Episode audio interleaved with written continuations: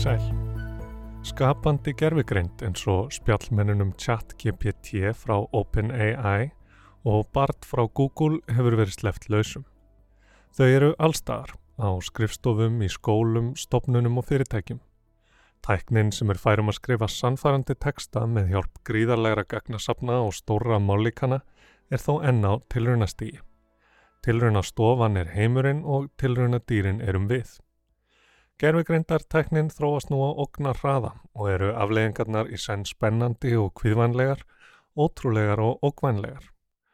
Og svo hratt þróast þessi tækni að möguleikarnir virðast endalösir og er áhrifa hennar nú þegar farða gæta í skólum um allan heim.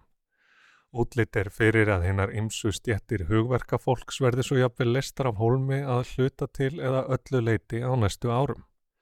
Þannig er skapandi gerfegreind farin að sinna ráðgjöf og þjónustu á hinnum ymsu sviðum, frá lögfræði til sáluhjálpar, tekstaskrifum og sölumensku. Byltingin sem er í vændum, eða jafnvel nú þegar hafinn, er að margra mati af sömu stærðargráðu og uppfinning internetsins eða snjálfsímans.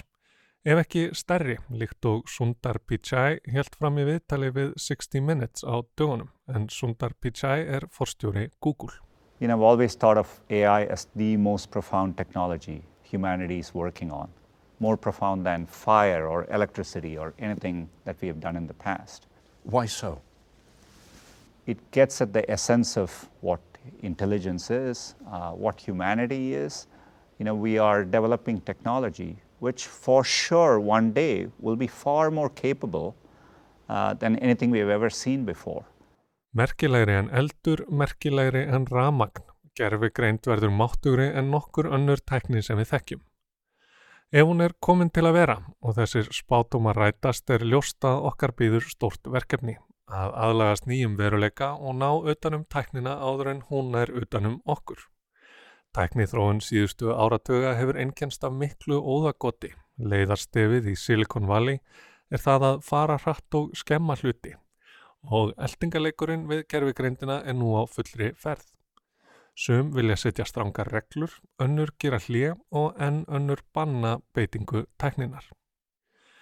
Ég heiti Snorri Raffn Hallsson og þú ert að hlusta á þetta helst og í þætti dagsins verður farið yfir viðbrögð við þessari nýri tækni sem hann koma til með að gjör breyta heiminum. Hvað er hægt að gera og hvað verður að gera? OpenAI, stopnað árið 2015 af Elon Musk og Sam Altman, núverandi fórstjóra þess á samt fleirum, er leiðandi á sviði skapandi gerfagreindar. GPT málikan þeirra keirir ChatGPT, vinsalesta gerfigreindar spjallmennið og er fjörða útgáfa þess, GPT-4, það öflugasta til þessa. En keppinautarnir eru margir. Eftir að Microsoft fjárfesti OpenAI fyrir 10 miljardar bandarækjadólara og hófa innleiða GPT-tæknina í leitarvil sína Bing, flýtti Google útgáfu síns eigin spjallmennis, BART eða Skáldsins. Skáldið er viðegandi nafna á þess konar gerfigreind sem þjálfuð er á gríðarlegu magni af gögnum og læra að spá fyrir um hvaða orð skuli koma næst í þeim teksta sem hún er beðin um að skrifa. Hún skilur þó korki benina nýja það sem hún skapar í þeim skilningi að hún getur ekki beitt raukugsun eða lagt mat á sangildi þess sem hún skrifar. Heldur beitur hún aðeins líkindareikningi til að setja saman teksta sem hefur á sér sannfarandi og sennilegt yfirbræð. Ef litlar upplýsingar eru í gagnagruninum um það viðfangsefni sem hún er beðin um að segja frá, skaldar hún í eðurnar eða sér offsjónum eins og það er kallað í bransanum eiga chat GPT og BART það því til að líka eftir henni ósó mannlegu tilneying okkar að vera fullviss um eigin vitleysu. I don't want to read too much into it today where the state of the art technology is. We are humans interacting with something which in some ways is mirroring humanity back in certain ways. What are the downsides? I mean, the downsides at some point Ef óvarlega er farið, eftir því sem nótkunn þessar spjallmenna eikst, er hætt við því að þau magni upp þá upplýsingaóriðu sem þegar er til staðar. Og svo geti farið að við missum stjórn á þeirri tækni sem verið er að þróa. Sundar Pichai hefur kallað eftir því að fleiri en bara hugbúnaðaverkfræðingar komið að máli. til að hægt sé að þróa gerfigreindar kerfi sem falla að manngildum og siðferði þurfa félagsfræðingar, heimsbyggingar og aðrir líka að taka þátt. Verkefnið sé of stórt til að fyrirtæki geti ákveðið. You know, these are deep questions, and you know, we call this alignment. You know, one way we think about how do you develop AI systems that are aligned to human values, and including uh, morality. This is why I think the development of this needs to include not just engineers, but social scientists, ethicists, philosophers, and so on. And I think we have to be very thoughtful and I think these are all things society needs to figure out as we move along. It's not for a company to decide. Undanfarnar vikur hafa tæknifyrirtæki í Kína ofinberað sínartilraunir með gerfigreint.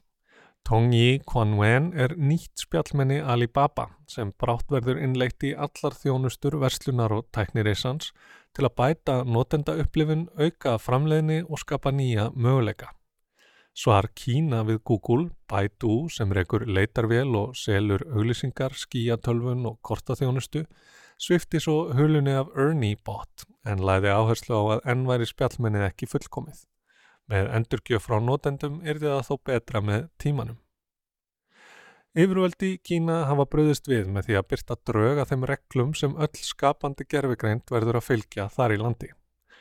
Þekkt er að gagnasöfn sem notuð eru til að þjálfa gerfigreind geta falið í sig skekkjur, bjaga og fordóma. Þau byggja enda á fortíð sem ekki er fullkominn en gerfigreindin áða til að endurskapa og viðhalda því sem fyrir henni er haft. Því segja netheima yfirvöldi í Kína að fyrirtæki verða tryggja að gögnin sem notuð verði munu ekki mismuna fólki á grundvelli þjóðarnis, kynþáttar eða kyni. Það er hægara sagt en gert en það sem meira er þá má skapandi gerfugreind ekki búa til falskar upplýsingar. Yfirvöld gera einni kröfu um að efnið sem skapandi gerfugreind býr til skuli endur spekla grungildi sósialisma og ekki grafa undan valdi ríkisins. Til að svo megi vera þarf önnur tegund gerfugreindar að koma til því það er ekkert í mállíkana tækninni sem sannreint getur upplýsingar.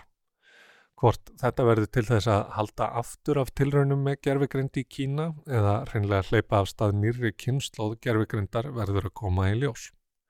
Alibaba, Baidu og öðrum tæknifyrirtækjum í Kína er þó þröngur stakkur sniðin og er grant fylst með þróuninni vegna mögulegans á því að gerfigrindin hleypi af stað sprengingu í politist viðkvæmu efni. En viðvaranirnar koma þó ekki bara að austan og aðrar sprengingar verðast mögulegar. I think the danger of AI is much greater than the, the, the danger of nuclear warheads by a lot. Um, and nobody would suggest that we allow anyone to just build nuclear warheads if they want. That, that would be insane. And mark my words, AI is far more dangerous than nukes. Far. So why do we have no regulatory oversight? This is insane. If, if humanity collectively decides that creating digital superintelligence is the right move, then we should do so very, very carefully. Um, very, very carefully. Elon Musk fer nú fyrir flokki sérfræðinga sem skrifað hafa undir opið bref þar sem kallað er eftir því að ítt verði á pásu á þróun risavaksina gerfigreindar kerfa á borð við GPT-4. Meðal þeirra sem hafa skrifað undir eru Steve Wozniak, annar stopnenda Apple, vitsmuna vísindamæðurinn Gary Marcus og hugbúnaða verkfræðingar frá Amazon, DeepMind, Google, Meta og Microsoft. Kjarnin í brefinu er sá að við vitum hreinlega ekki hvers gerfigreindin er megnuð í raun. Tæknin sé langt á undan allri lögjöf og hvers konar varuðaráðstöfunum sem hægt væri að grýpa til og kapplaup sé hafið við að þróa og beita stafrænum hugum sem enginn, ekki einu svoni skaparar þeirra, geti skilið séð fyrir eða stjórnað með áreðanlegum hætti. Í brefinu segir enn fremur. Gerfigreindar kerfi nútímans eru að ná mannlegri hefni í almennum verkefnum og við verðum að spyrja okkur.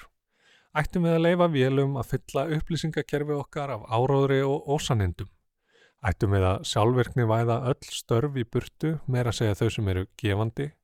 Ættum við að þróa ómennska huga sem gæti á endanum orðið fleiri en við, snjallan en við, gert okkur óþörf og komið í okkar stað.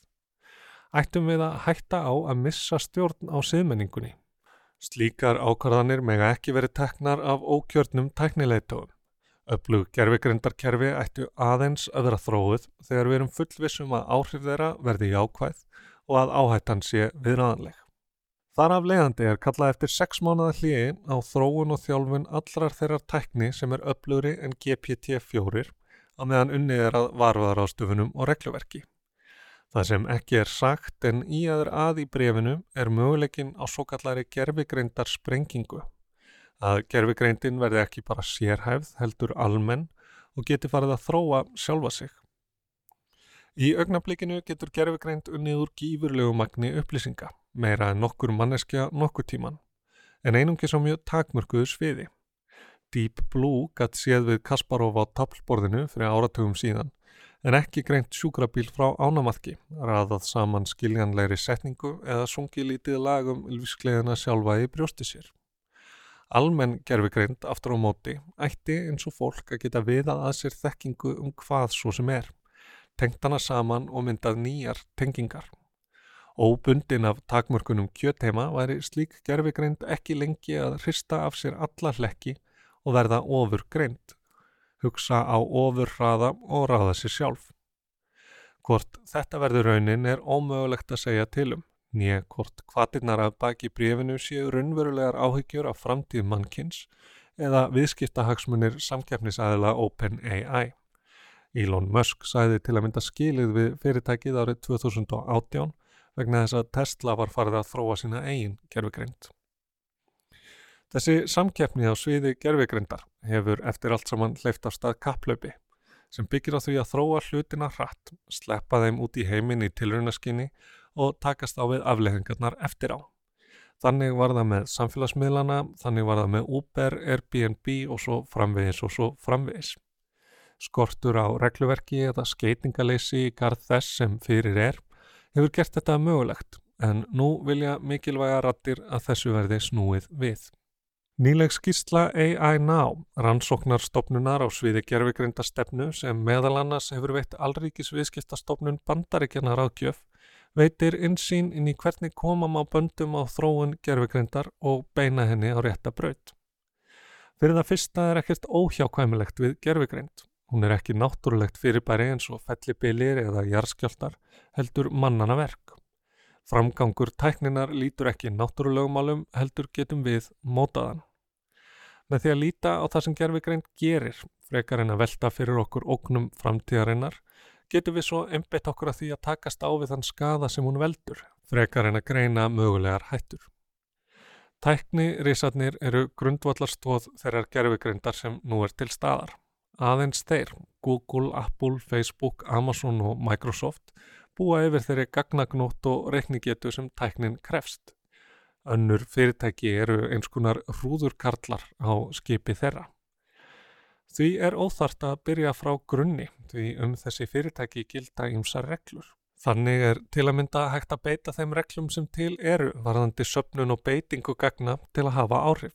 Ítalja hefur stíðið þetta skref og bannað chat GPT þar í landi með þeim rökum að engin lagalegur grundvöldur sé fyrir þeirri gagnasöfnun og úrvinnslu sem á sér stað til að þjálfa forritið. Þetta er annað sem AI ná bendir á að þurfi að gera. Grafan verði að vera svo að fyrirtækin síni fram á að forrit er að valda ekki skada áður en þau eru gefin út, fremur en að almenningur og lögjafar þurfi sífælt að rannsaka og finna lausnir eftir að skadinni skeður. Aukið gagsægi og regluleg endurskoðun eins og í fjármálageiranum geti nýst til þessa sem og aðferðir sem beitt er til að prófa lif og matvæli áður en þau fara á markað. Þannig sé ábyrðin sett á fyrirtækin sem þróa hugbúnaðin og hagnast á honum og við þurfum ekki endilega að finna upp hjólið. Að lokum þurfum við að draga skýra línur um hvað má og hvað má ekki gera með gerfigreind og á það bæði við um framleiðendur og notendur.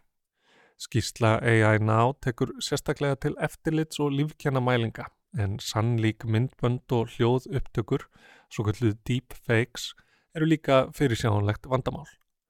Og það verður eilífur eldingaleikur, en svo Sundar Pichai, forstjóri Google, sæði í viðtali við 60 Minutes. To be clear, this is going to be a cat and mouse game, right? People are going to use AI to be more sophisticated, no different from how we have tackled spam and Gmail. And we are constantly developing better algorithms to detect that they are spam. We would need to do the same with deepfakes, audio and video. But over time, look, there has to be regulation. You're going to need laws against, there, have to be consequences for creating deepfake videos which cause harm to society. En erum við tilbúin? You know, there are two ways I think about it. On one hand, uh, I feel no, uh, because you know the pace at which we can think and adapt as societal institutions compared to the pace at which the technology is evolving, there seems to be a mismatch. On the other hand, compared to any other technology, I've seen more people worried about it earlier in its life cycle. So I feel optimistic. The number of people, you know, who have started worrying about the implications, and hence the conversations are starting in a serious way as well. Í aðra röndina eldum við sífælt tæknina sem alltaf kemur okkur á óvart. En í hina eru við meðvitaðri um þá möguleika og þær hættur sem henni fylgja. Þetta eru síðustu orðin í þessum þætti en ekki þau síðustu sem sögðverða um efnið næstu misserinn en það á án efa eftir að vera í brennidepli. Þetta var helst af gerfigreind í dag, tilraunum til að ná á henni böndum og beina á rétta braut. Ég heiti Snorri Rafn Hallsson og þakka á hörnina.